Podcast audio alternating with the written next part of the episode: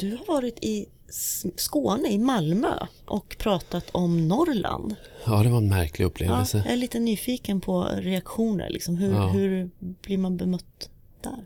Ja, men alltså, det var ju ett sammanhang där alla var grundpositiva. Det var en, en, en föreläsningsserie som är på Victoriateatern i Malmö och som har olika teman och den här hösten har teman varit eh, stad och land. Så det har varit olika föreläsare på det temat så jag var inbjuden som, som en av föreläsarna. Det har varit Göran Greider och eh, Gunilla Kindstrand och olika forskare och liksom sådär. Mm. Eh, så att det var ju en väldigt intresserad publik. Men det, var, det som var intressant var att det fanns överhuvudtaget ingen förförståelse.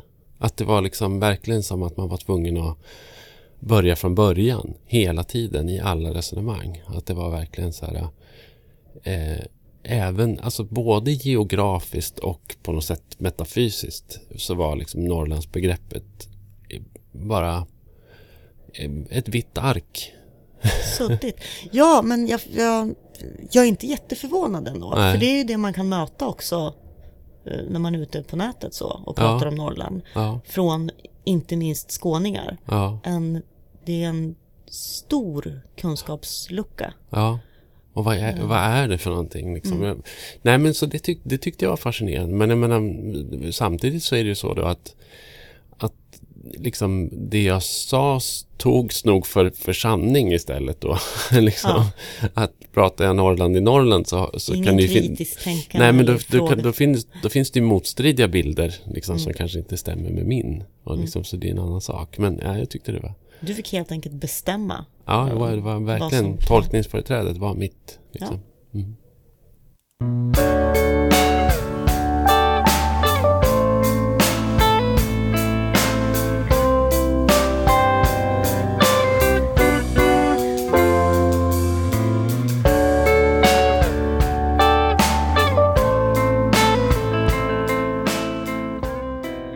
Norrlandspodden av Mittmedia presenteras av Stjärnström Skog, trädfällning, röjning och skotning i Västernorrland.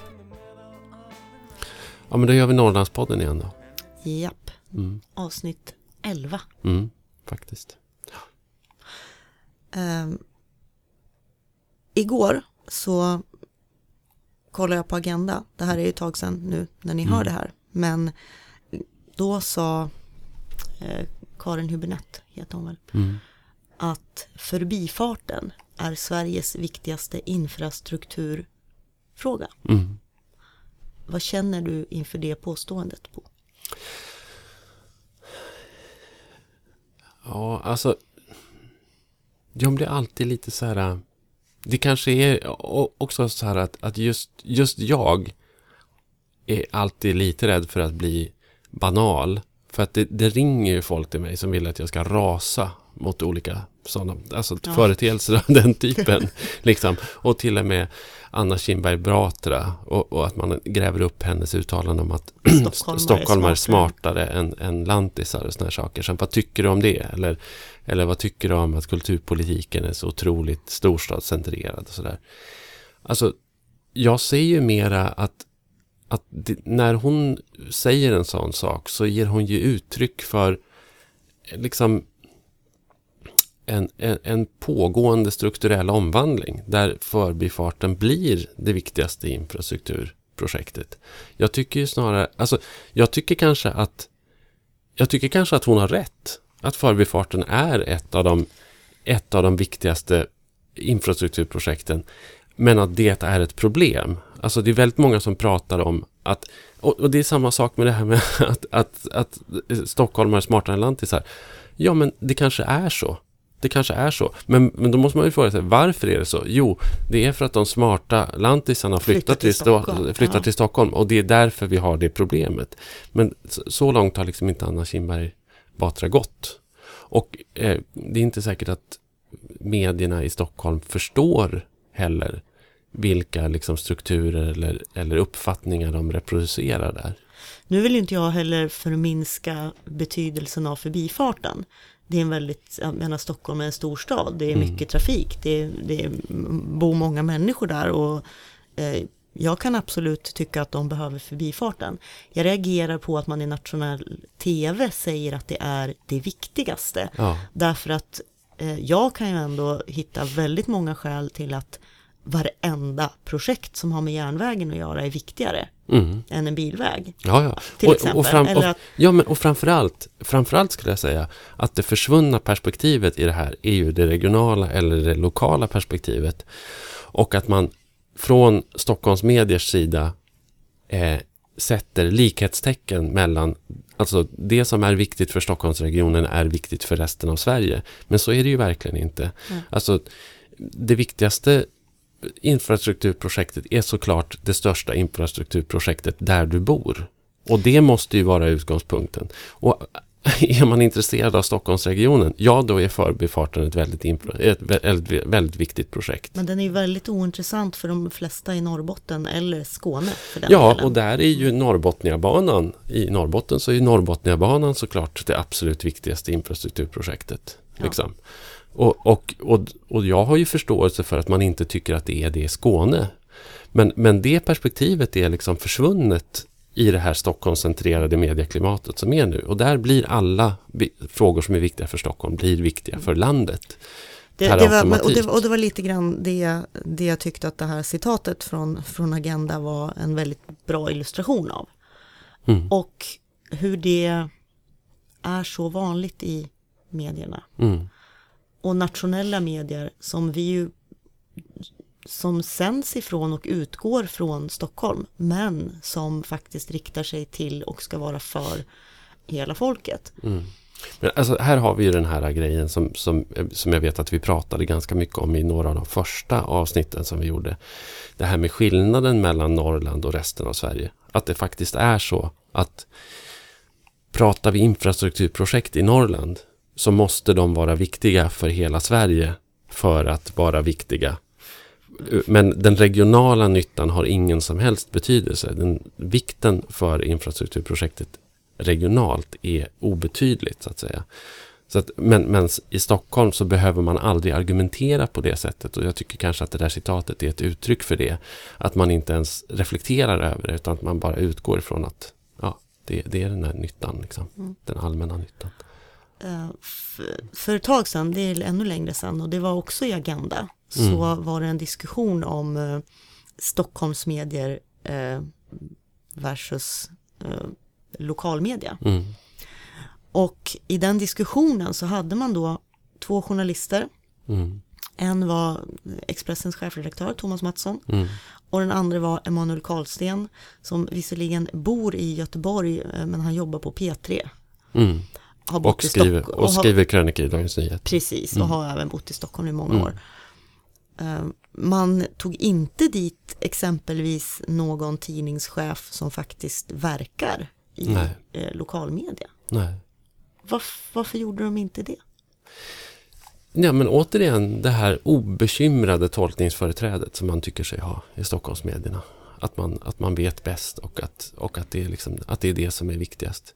Att man, att man Ja, men, men samtidigt är det, säga. jag menar, det är väldigt många som jobbar i Stockholmsmedia som eh, för det första inte är infödda stockholmare utan som har rötterna någon annanstans mm. och därför också ett, något slags intresse för sin egen eh, sin egen barndomsbygd sådär. Ja, fast ja. det där är ju, det där tycker jag, ja, men så är det ju, absolut. Men, men min erfarenhet är ju att de allra flesta upphör att liksom Alltså de flesta tappar det perspektivet i, i exakt samma ögonblick som de liksom uppgår i den stockholmska mediagemenskapen. Ja. Då försvinner det perspektivet. Och man glömmer bort de där åren på Jönköpings-Posten eller som lokalredaktör i Lycksele eller vad man nu har varit. Då, då, då, är det liksom ett försvunnet perspektiv. Och sen så går man upp i den här värdegemenskapen som är oerhört stark i Stockholmsmedierna. Liksom. Men men vi pratade, vi pratade i förra avsnittet eh, så var vi lite grann inne på det när vi pratade om den norrländske mannen och vi pratade om identitetspolitik och mm. norrländsk sådan. Mm. Eller glesbygds så.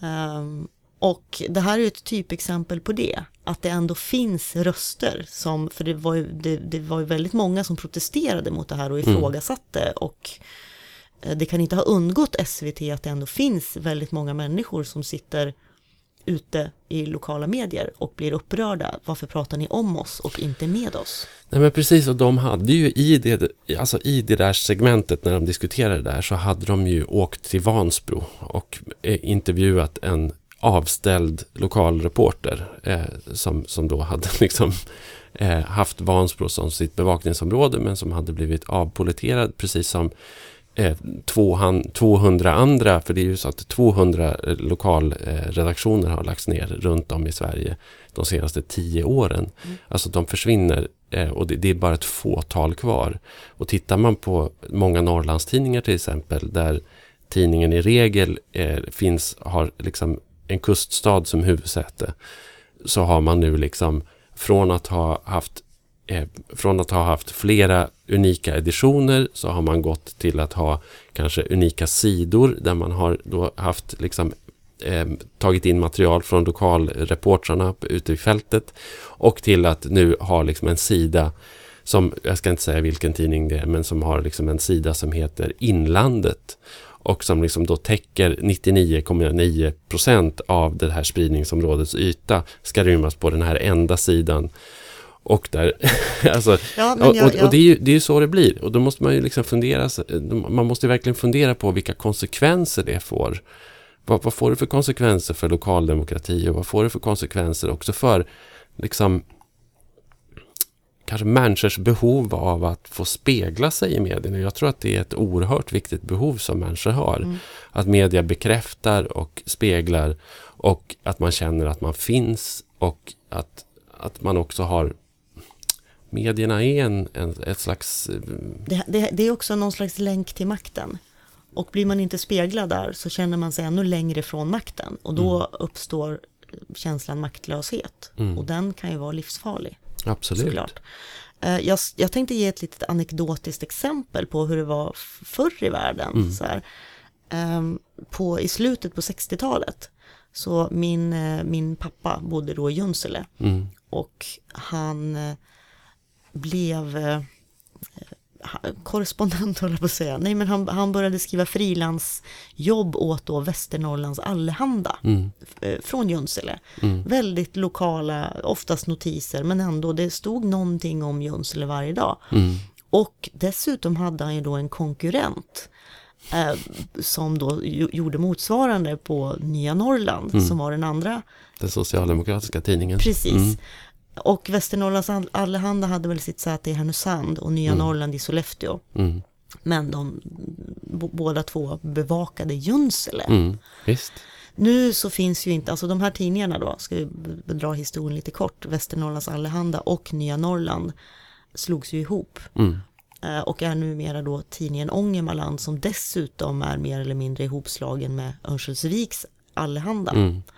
Så att man kan säga att det finns i praktiken en tidning som bevakar hela Ångermanland. Och de och har lokal, in, ingen lokalredaktion i Junsele kan jag säga. Nej, och ingen någon nej. annanstans heller för den delen. Så att Absolut, alltså, det är ju, alltså vi har ju verkligen gått ifrån Vi har ju verkligen gått ifrån en sån situation. Och, och då måste man ju också börja diskutera liksom vilken nyhetsvärdering man gör. Vad, vad är det man då tar in från, från de här orterna? Vad är det man speglar liksom, av händelser i inlandet? Och då är ju det i regel i, i, i, notisform eller som korta nyhetspuckar. Och då tar man upp nyhetshändelser endast. Alltså Väldigt bil, spektakulära, så, ja, man säger så polis, polisnyheter, de ja. tas upp därför ja. att de är väldigt enkla att göra. Och jag och, har börjat fundera på det där, liksom, vad har de för de där polisnyheterna, liksom den där bilolyckan eller det där mordet eller det där. Liksom, vad, vad har de för angelägenhetsgrad egentligen vid sidan av att de är en nyhetshändelse? Vad har de för angelägenhetsgrad? Vad säger de där nyheterna egentligen om tillståndet på den där orten?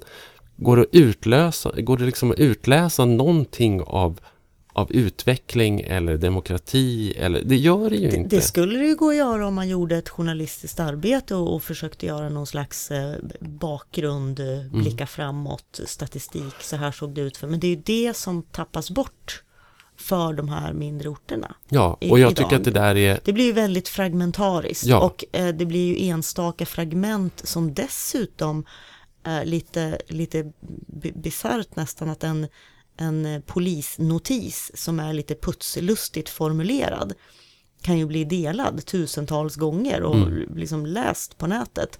Och så blir det eh, enda sammanhanget som en liten by nämns. Ja, och detsamma gäller, alltså, och exakt samma förhållande gäller egentligen hela Norrland i de nationella medierna. Därför att om nu inlandet skildras genom extrema spektakulära händelser, typ så här varg åt jakthund, liksom, eller bilolycka. Eh, Papperslapp brann papper. så, så, så, är ju, så är ju samma sak. Alltså så här, Norrland representeras i de nationella medierna också genom spektakulära händelser och inte genom daglig bevakning. Inte genom någon, att någon är på plats och har lokalkännedom eller någon typ av arbetsrelation med liksom lokala politiker och makthavare inom näringslivet. Och därför så går vi hela tiden miste om de berättelserna och vi går också miste om mediernas roll faktiskt som, som liksom en, en, en kritisk, eh, liksom en kritisk granskare av, av maktförhållanden i samhället. Det största problemet här skulle jag säga, det är ju de kommuner som finns som idag helt saknar eh, kommunbevakning, mm. alltså av kommunfullmäktige, av politiken. Eh, och det beror ju också på att det är ju inte särskilt gångbart när det gäller klick och sälj och det anses mm. ju ganska så här halvtråkigt men är ju ändå en elementär, grundläggande, väldigt viktig uppgift mm. för medierna att faktiskt ha koll på och beskriva. Nu blir det även där fragmentariskt. Oj, den här kommunen har visst ett sånt här stort underskott. Vi skriver en notis på det mm. också. Men det finns ingen löpande bevakning. Nej, och man får aldrig man någon förklaring. Nej. Nej. och det är inte heller samma tid som har funnits tidigare där varenda lokalredaktör har suttit och verkligen eh, gått igenom varenda diarie. Nej. Och sen har du det här bisarra som, som, som också är ett norrländskt fenomen och som har att göra med Norrlands storlek och Norrlands gleshet. Att Alltså du har lokaltidningarna, de har i regel då slagits ihop idag Eh, Eh, men spridningsområdena är ändå heliga så att säga. Att man, man, man går inte över spridningsområdena. Vilket kan få som konsekvens att en boende i en ort inte får veta någonting i sin lokaltidning om en ort som ligger utanför spridningsområdet bara två mil bort. Därför att det ligger, det ligger liksom bortanför tidningens bevakningsområde. Där är en annan tidning verksam och gör det. Och sen så har vi då eh, public service, sen har vi public service-medierna, det vill säga P4 och de regionala nyhetsstationerna som jobbar över mycket större områden och som i sin tur är ganska godtyckligt sammansatta. Som till exempel här i Västernorrland där vi befinner oss nu. Där människorna i Jämtland gråter blod varje kväll klockan 19.15 när de får veta allting om bron genom Sundsvall och som de faktiskt skiter i egentligen. Eller jag som liksom då bor i Gävleborgs län och där vi har delat regionala sändningar med Dalarna i väldigt massa år. Och man kan inte titta på det här nyhetsprogrammet därför att det handlar bara om Leksands hockey. Och jag skiter fullständigt ja. i Leksands hockey. Det är totalt ointressant. Och nu sänds alla regionala sändningar i södra Norrland från Falun och, och, det här är liksom en, en, region som inte hänger ihop. Det är inte samma län, det är inte ja, samma landsting. Alla det är liksom, från Umeå. Ja, så att alltså det är Ja, Norrbottensnyheterna ska ju sändas från Umeå. Så att, ja, och Mittnytt även. Ja, just det. Så är det ju. Så att, alltså det, det, där, det där är ju också, och, och då går vi liksom miste om också kraften kanske i, i en samhällsomvandling. Att, att jag tänker på när jag reser runt att jag ser att det är väldigt mycket samma frågor, samma debatter kan... i, alla, i alla tidningar. Men de slås aldrig ihop. Det blir aldrig någon samlad, samlad kraft i opinioner till exempel på, på det sättet. Nej, fast, fast där tycker jag, alltså nu, nu sitter jag och pratar för uh, vi gör ju den här podden under Mittmedia-flagg, ska mm. vi säga. Och Mittmedia är då en koncern som äger alla, alla tidningar i södra från, Norrland och Dalarna. Alla tidningar från Uppland och upp till Västerbotten. Ja. ja. Och då måste vi också säga att, att du är anställd i koncernen men jag är, är frilans. Precis, precis. Så jag har ingen lojalitet. Nej, nej jag är anställd. Mm. Uh, och det finns mycket man kan säga om ägarkoncentration i sig. Mm. Uh, det finns även mycket man kan säga om att uh, som det ser ut nu så har vi då eh, flera olika nyhetssajter mm. för de olika tidningstitlarna mm. som vi har. Men vi byter ganska mycket material. Så att om jag går in på Dalarnas tidningar kan jag läsa samma nyheter där som jag kan göra på st.nu i Sundsvall. De mest klickade nyheterna hamnar ju i topp och de är ju ofta gemensamma ja. för många verkar det som. Det tycker jag är problematiskt att man ser liksom så här kvinna jag... påkörd bakifrån flög ut genom rutan och träffade en älg och, och, det visar sig att det har inträffat någon annanstans. Liksom. Jo, fast jag skulle samtidigt säga att det finns, det finns någonting positivt i det här. Och det är att du säger att det finns, du, du ifrågasatt just att i varje litet mm. samhälle så pågår samma diskussion. Men eh, det blir aldrig någon helhet.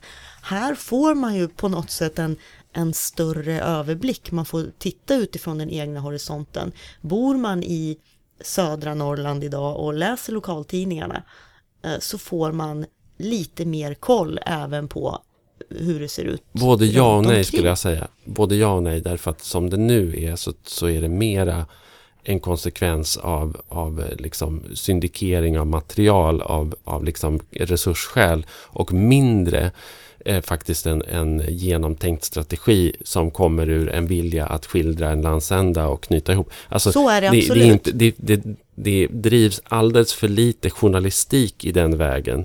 Utan det är mera så att man får lite godtyckliga nyhetshändelser liksom, från olika delar av den här då liksom koncentrerade regionen som Mittmedia har lagt under sig. Jag tycker att, det, jag tycker att det, det funkar inte riktigt. Då måste man i sådana fall, för att åstadkomma det som du säger, så måste man nog liksom sätta sig ner och bestämma sig för att det är det man ska göra. Det har man inte riktigt gjort. Ja, men jag tror att det kan komma utan att avslöja för mycket. Mm, ja, jag hoppas också det.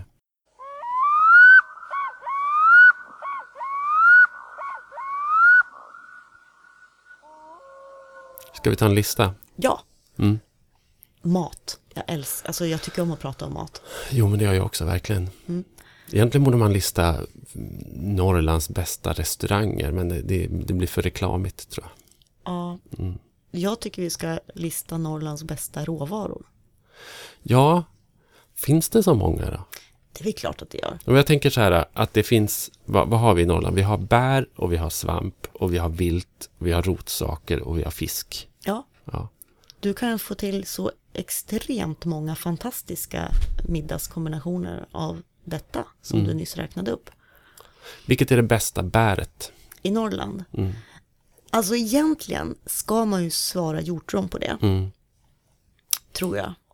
Fast jag tycker hjortron har en så begränsad användnings, ett begränsat användningsområde också därför att det har en sån extremt tydlig smak. Det är väldigt svårt att använda hjortron till någonting annat än liksom till en mylta med glass eller till liksom friterad camembert. Alltså eller, det är bara fantasin eller, som begränsar. Eh, ja, till ostkaka tycker jag det är gott. Ja, det är gott till ja. ost. Alltså du kan göra hjortron Ja, men hjortron är alltid hjortron. Det, är, liksom, det är alltid hjortron. Det tråkiga med hjortron tycker jag, det är ju att det inte går att äta som det är. Det har mm. en väldigt besk och tråkig smak. Mm om de inte är väldigt, väldigt mogna och mm. blöta. Plus att det är fruktansvärt att plocka hjortron. Jag har så mm. många traumatiska hjortronplockarminnen. Sjunker ner i djupa hål och blir uppäten av mygg. Ja, framförallt myggen. Jag är allergisk ja. mot mygg. Så ja. det var en riktig plåga. Men jag säger nog lingon. Det gör du. Jag mm. säger faktiskt åkerbär. Jaha, okej. Okay. Ja, mm. det är ett väldigt gott bär också. Mm. Men jag tycker, jag säger lingon därför att det är det är verkligen en råvara med bredd. Den går att använda till väldigt mycket och den går liksom att använda också, inte bara till dessert eller så, utan i matlagning. Liksom. Mm. Jag, jag, gillar lingon. Jag skulle, ja, absolut alltså. Jag gillar också lingon. Um, men jag vill ändå slå ett slag för åkerbäret. Alltså åkerbär är ett jättestort problem. De är ju otroligt svårplockade. Mm. De är små och de sitter fast hårt och mm. eh, växer otillgängligt och sådär. Men just därför så är de ju nästan ännu mer värda än, än hjortron. Ja, ja, så är det ju verkligen. Men, eh, Men ett tips med lingon. Eh, om man har rårörda lingon. Blanda i färsk eh, hackad eh, rosmarin och ha det till kött. Okay. Fantastiskt bra. Mm. Den bästa svampen då? Um, jag skulle ju säga mörkla. Ja, men den får man inte äta längre. Den är så giftig så att det är helt otroligt. Det där tycker jag är jättekonstigt. För att när man var barn så åt ju folk mörklor så det ja, stod härliga ja. till och knappt föräldrar innan. Och jag vet inte om folk dog och fick njursjukdomar. Och nu när man läser i svampbok så står det att man, man får inte ens ha en mörkla i bilen. Nej men liksom. så har det alltid varit. Har det det? Ja, och det var ju så otroligt proced alltså proceduren kring att plocka och förvälla och, och så att säga, bearbeta mörklorna innan man åt dem, minns jag från min barndom. Det, mm. det var ganska omständligt sådär. Sen ska man väl inte äta det varje dag. Nej. Men det är ju fantastiskt gott. Ja, det är det ju verkligen. Det är en otrolig smak. Jag gillar nog ändå eh, Karl Johan-svampen bäst. För men att, just är den norrländsk? Liksom? Den alltså, finns den, finns ju, den finns ju verkligen. Jag tycker den känns italiensk. Liksom. ja, jo, ja, men det är väl det som är grejen med, med Karl Johan-svamp. Att man kan använda den till så otroligt mycket. Ja, alltså, jag har aldrig ätit den här eh, svampen som heter Goliatmusseron och som är väldigt, väldigt ovanlig. Och som är så eftertraktad i Japan att man tydligen kan sälja den för Alltså hittar man Goliatmusseroner som är i bra skick så kan man sälja dem till Japan för liksom Alltså det är fantasisummor. Det är typ så här 10 000 kronor kilot. Eller något och de här ska finnas vansinnigt. i Norrland? Ja visst, de finns liksom på tallhedar. Och liksom det, det finns så här Eh, jag har hört talas om, om eh, liksom den främsta experten på, på Goliatmusseronen, någon pensionerad biologilärare något sånt där, som verkligen liksom har koll på exakt var man kan hitta Goliat, liksom i, ja. i vilken naturtyp och sådär. Och han tjänar storkovan varje höst på att ska vi ha, sälja. Ska vi ha den svampen här då? ja, fast vi har inte ätit den. Nej, men, eh, men nästa punkt på listan är ju då mm. vilt. Mm. Och jag skulle ju då slå ett slag för renen. Mm. Eftersom det är mycket godare än älg. Ren är fantastiskt, ja, verkligen. Det är det. Mm. Rökt, torkad, mm. stek. Mm. Ja. Vad du vill. Ja, fantastiskt gott. Ja. Är det. Um, ja, jag är ju däremot inte jätteförtjust i älg ska jag säga. Det smakar, Nej. alltså jag äter det. Jag är glad om jag får tag i älgkött mm. sådär. Mm. Men, men, men som... jag tror att det har att göra med min uppväxt också. Jag är en sån här person som är uppfödd på älgkött i olika variationer. Älgköttbullar, älgbiffar, lingon och mandelpotatis. Mm, men samma här. Vi hade liksom frysen var så full med älgkött så att man var less på och det. det liksom. Ja, och det sitter i lite. Ja. Rotsaken då? Ja, där måste man ju ändå säga mandelpotatis. Nu, nu har jag till de här personerna som verkligen inte tycker om kokt potatis. Men om jag någon gång ska koka och äta potatis själv hemma som inte är färsk potatis då, då är det ju mandelpotatis.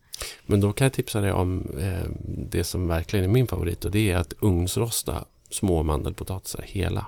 Mm, det men, är väldigt, väldigt, ja, väldigt gott överhuvudtaget. Det blir en sån fantastisk nötig och liksom lite knäckig smak nästan ja. som är fantastisk. Och bara att göra klyftpotatis av mandelpotatis eller potatismos mm. av mandelpotatis. Ja visst, ja. Vad du vill. Den är bra. Mm. Det börjar kännas som eh, programmet Meny eller någonting. nu måste vi klara av det. ja, fisk. Fisk. Ja. ja. Um, mm. Där har jag en solklar favorit. Det har du, men ja. Lättsaltad sik som man steker fruktansvärt gott. Verkligen.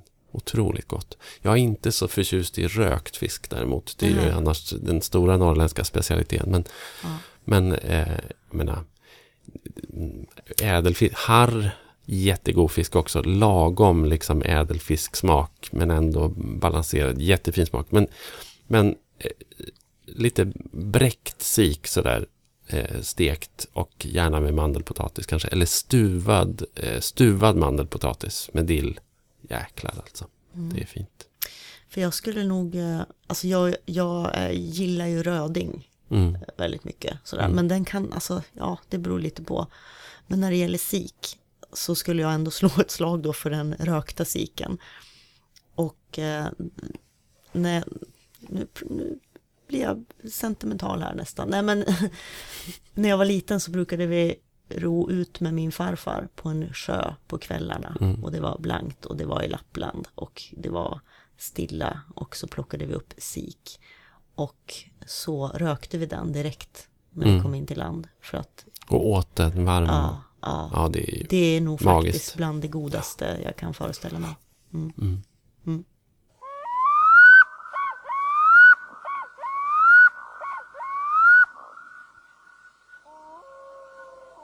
Vi har fått önskemål om att eh, prata om samer mm. i den här podden. Mm. Och jag känner lite grann som du kände med den norrländske mannen. Mm. Att det blir lite grann, ska vi sitta här och prata om samer?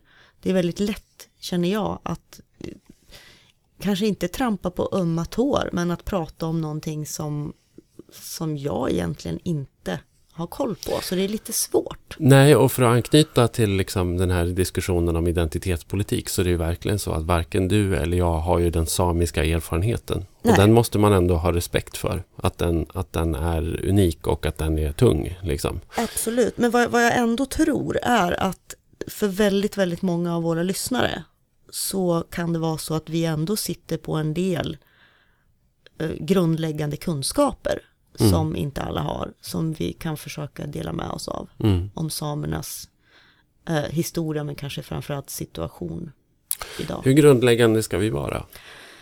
Alltså vi kan börja med att bara definiera vad, vad är en same? Eh, ja, det är ju, eh, det är Sveriges urbefolkning, eh, urbefolkning helt mm. enkelt. De var, här, de var här innan vi var här. Det, det är min utgångspunkt. Sen finns det ju folk som hävdar motsatsen.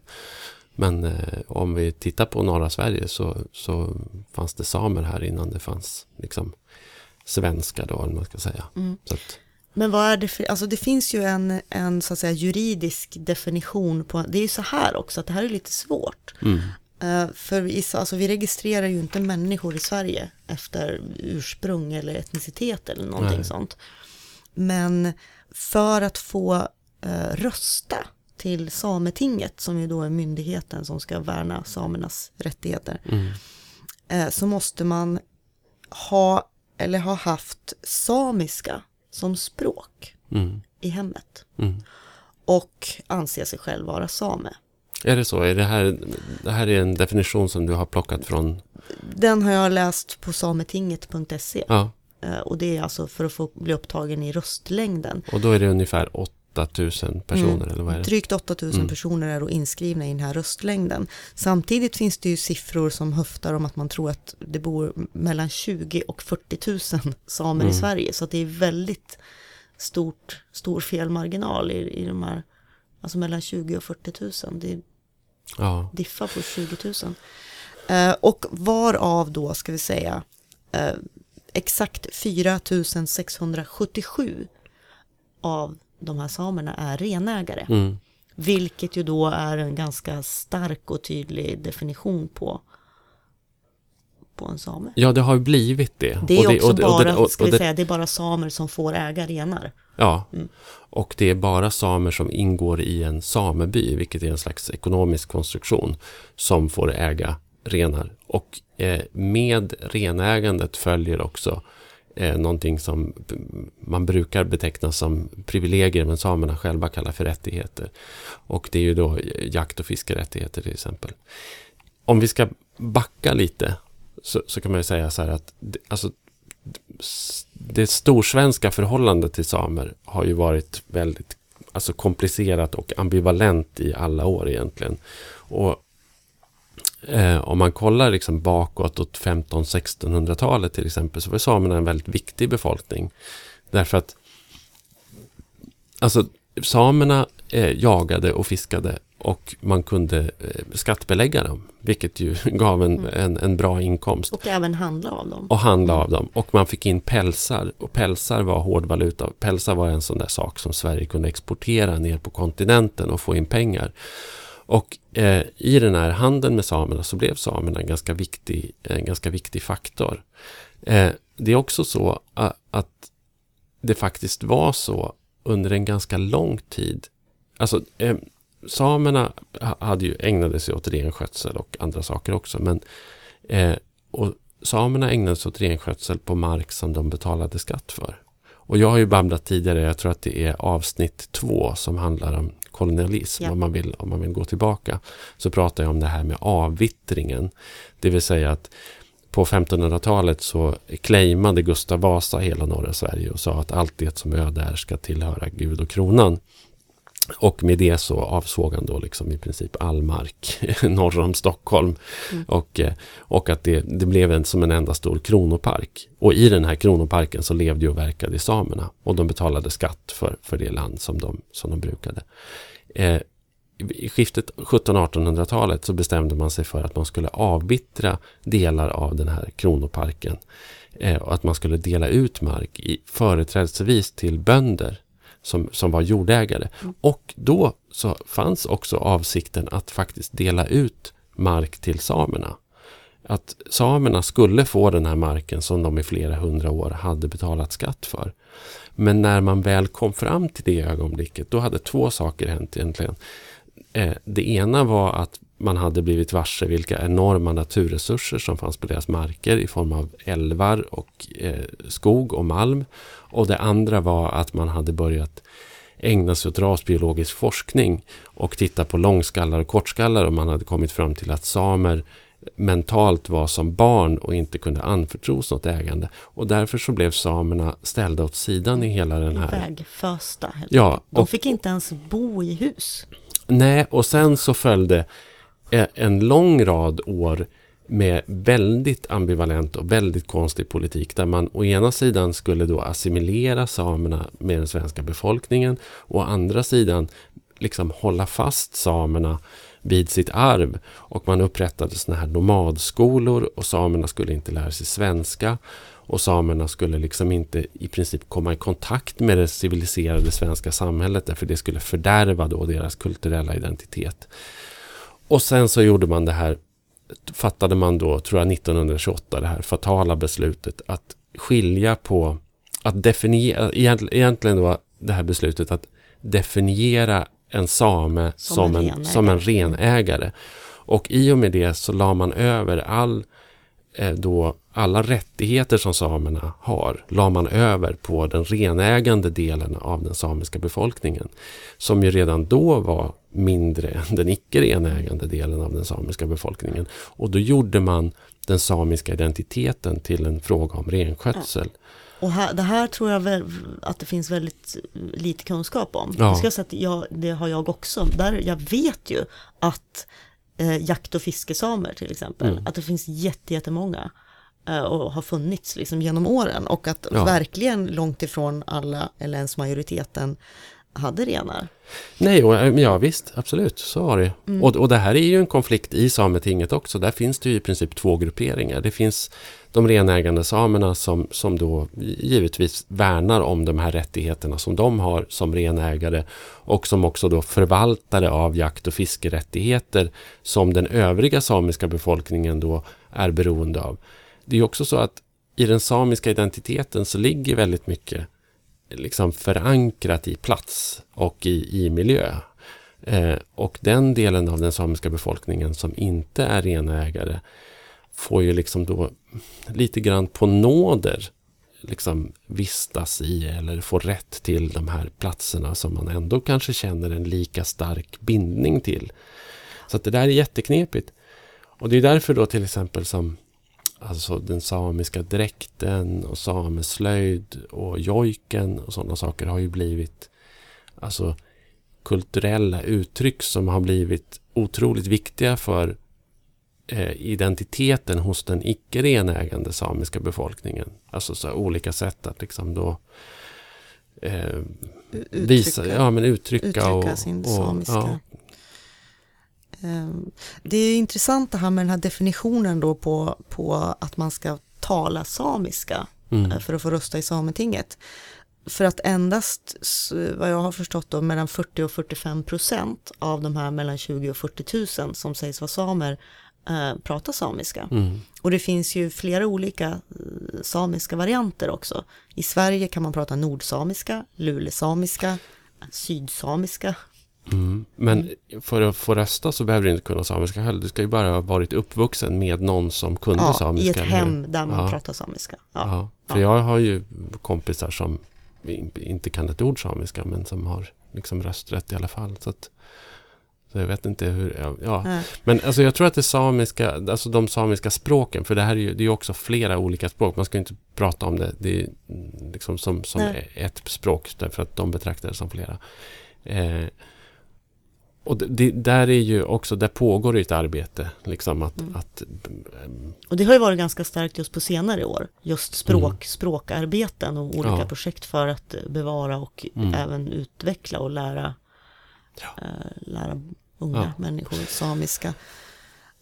Sen är det så här att nu är ju eh, alltså samerna en, en folkgrupp som är under attack eftersom det pågår en gruvboom i, i norra mm. Sverige. Och den, eh, väldigt mycket av de här prospekteringarna äger ju rum på samiskt område och i, i, i, liksom, i renbetesland.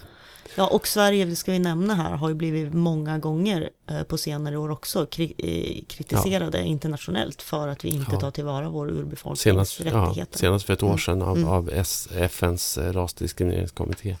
Mm. Och Sverige är liksom immuna mot det här. Det är också så här att Sverige det här är en, en väldigt liksom illa skildrad och eller lite skildrad och väldigt skamfylld grej tycker jag. Att Sverige var med och utvecklade ILO-konventionen om urfolksrättigheter som Sverige drev på eh, och som eh, de flesta länder har ratificerat men inte Sverige. Därför helt enkelt att Alltså vad jag har hört, och det, det här är hörsägen, men Margareta Winberg när hon var jordbruksminister hade för avsikt att faktiskt ratificera den här eh, ILO-konventionen. Men när eh, juristerna på departementet började titta på vad det skulle få för konsekvenser så insåg man att det skulle bli kaos. Det skulle bli total mayhem. Därför att Sverige har helt enkelt snott så otroligt mycket från samerna. Eh, fallrättigheter inte minst. Eh, i, alltså i fjällvärlden. Så om de skulle få tillbaks det så skulle det bli de, kaos? Ja, och man har lagt under sig, alltså samerna äger ju ytterst sällan liksom sin egen mark utan, utan man får bruka den enligt ja. urminneshävd. Och det här har ju också varit föremål för en massa rättstvister de senaste åren där, där då nybyggare, eh, mark, ja, mark, skogsägare markägare, som inte skogsägare. vill ha renar på sin, på Och då mark. kommer ju det här Gustav Vasa-citatet. Men här har ju samerna vunnit. De har både vunnit och förlorat. Ja, men de har förlorat också.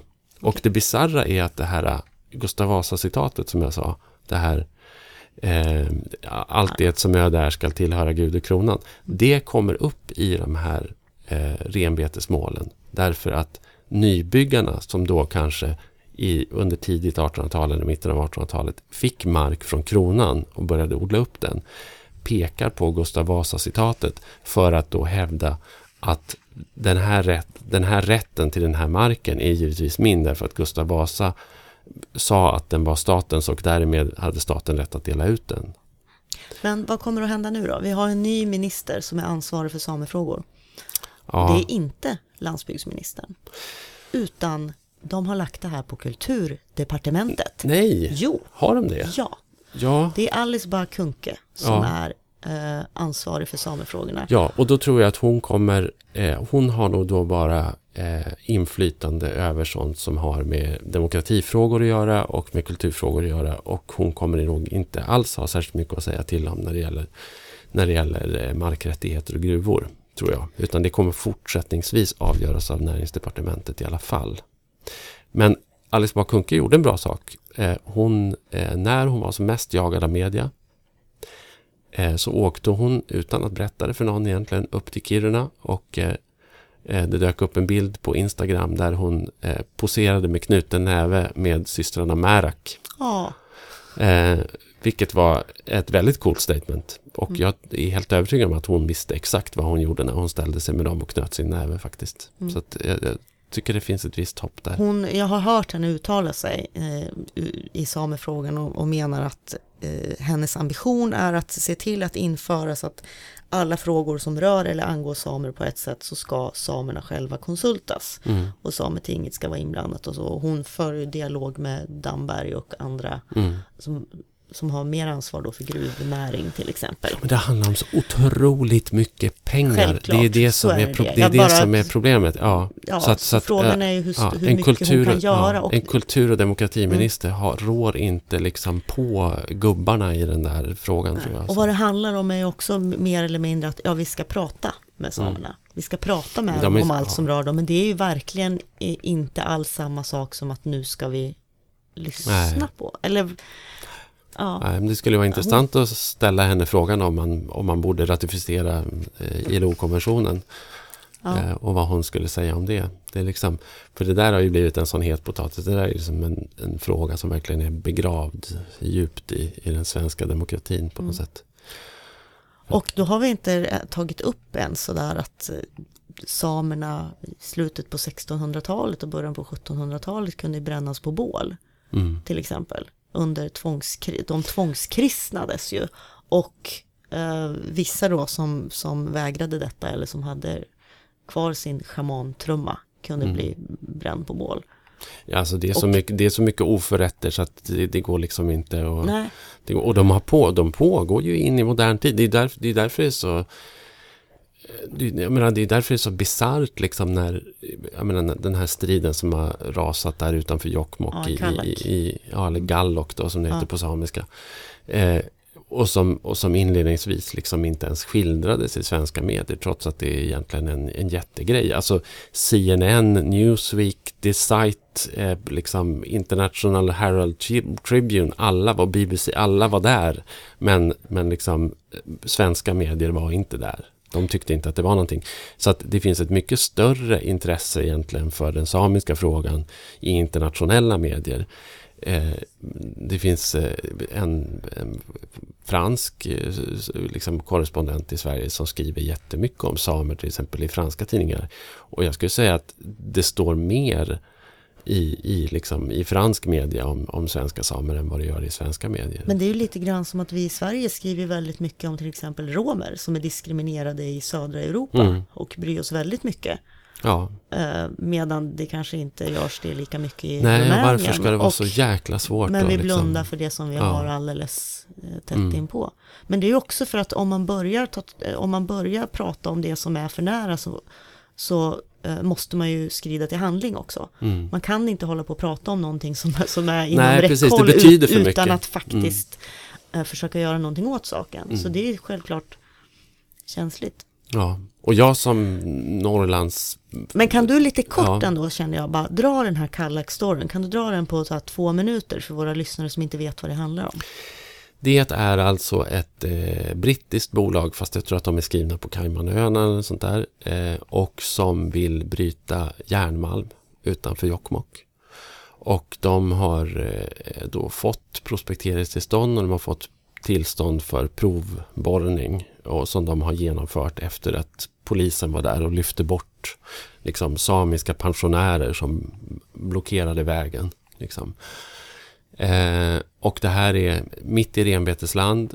Eh, det kommer inte ge eh, några pengar direkt till kommunen heller. Utan det här är ju sånt där liksom fly-in, fly-out eh, historia. Mm. Liksom. Eh, och där man, man fullkomligt bara kör över den samiska befolkningen. Och, och på ett ruskigt sätt. Det finns ett klipp på nätet som, som liksom säger allt. Och där den här vdn för det här eh, brittiska bolaget står in på en aktiekonferens och eh, eh, pratar då inför investerare. Och eh, om han får frågan själv eller om, eller om han ställer den till sig själv. Liksom, vad tycker lokalbefolkningen om det här?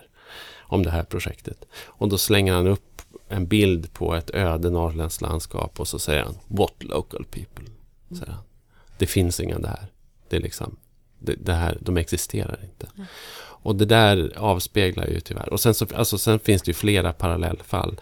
Eh, bland annat ett som jag har skrivit om och, eh, och som finns med i, i pocketutgåvan av min, av min bok Norrland. Och som handlar om det här Tärnabyfallet. Eh, där frågan faktiskt drevs hela vägen upp till näringsdepartementet därför att det fanns två motstridiga riksintressen.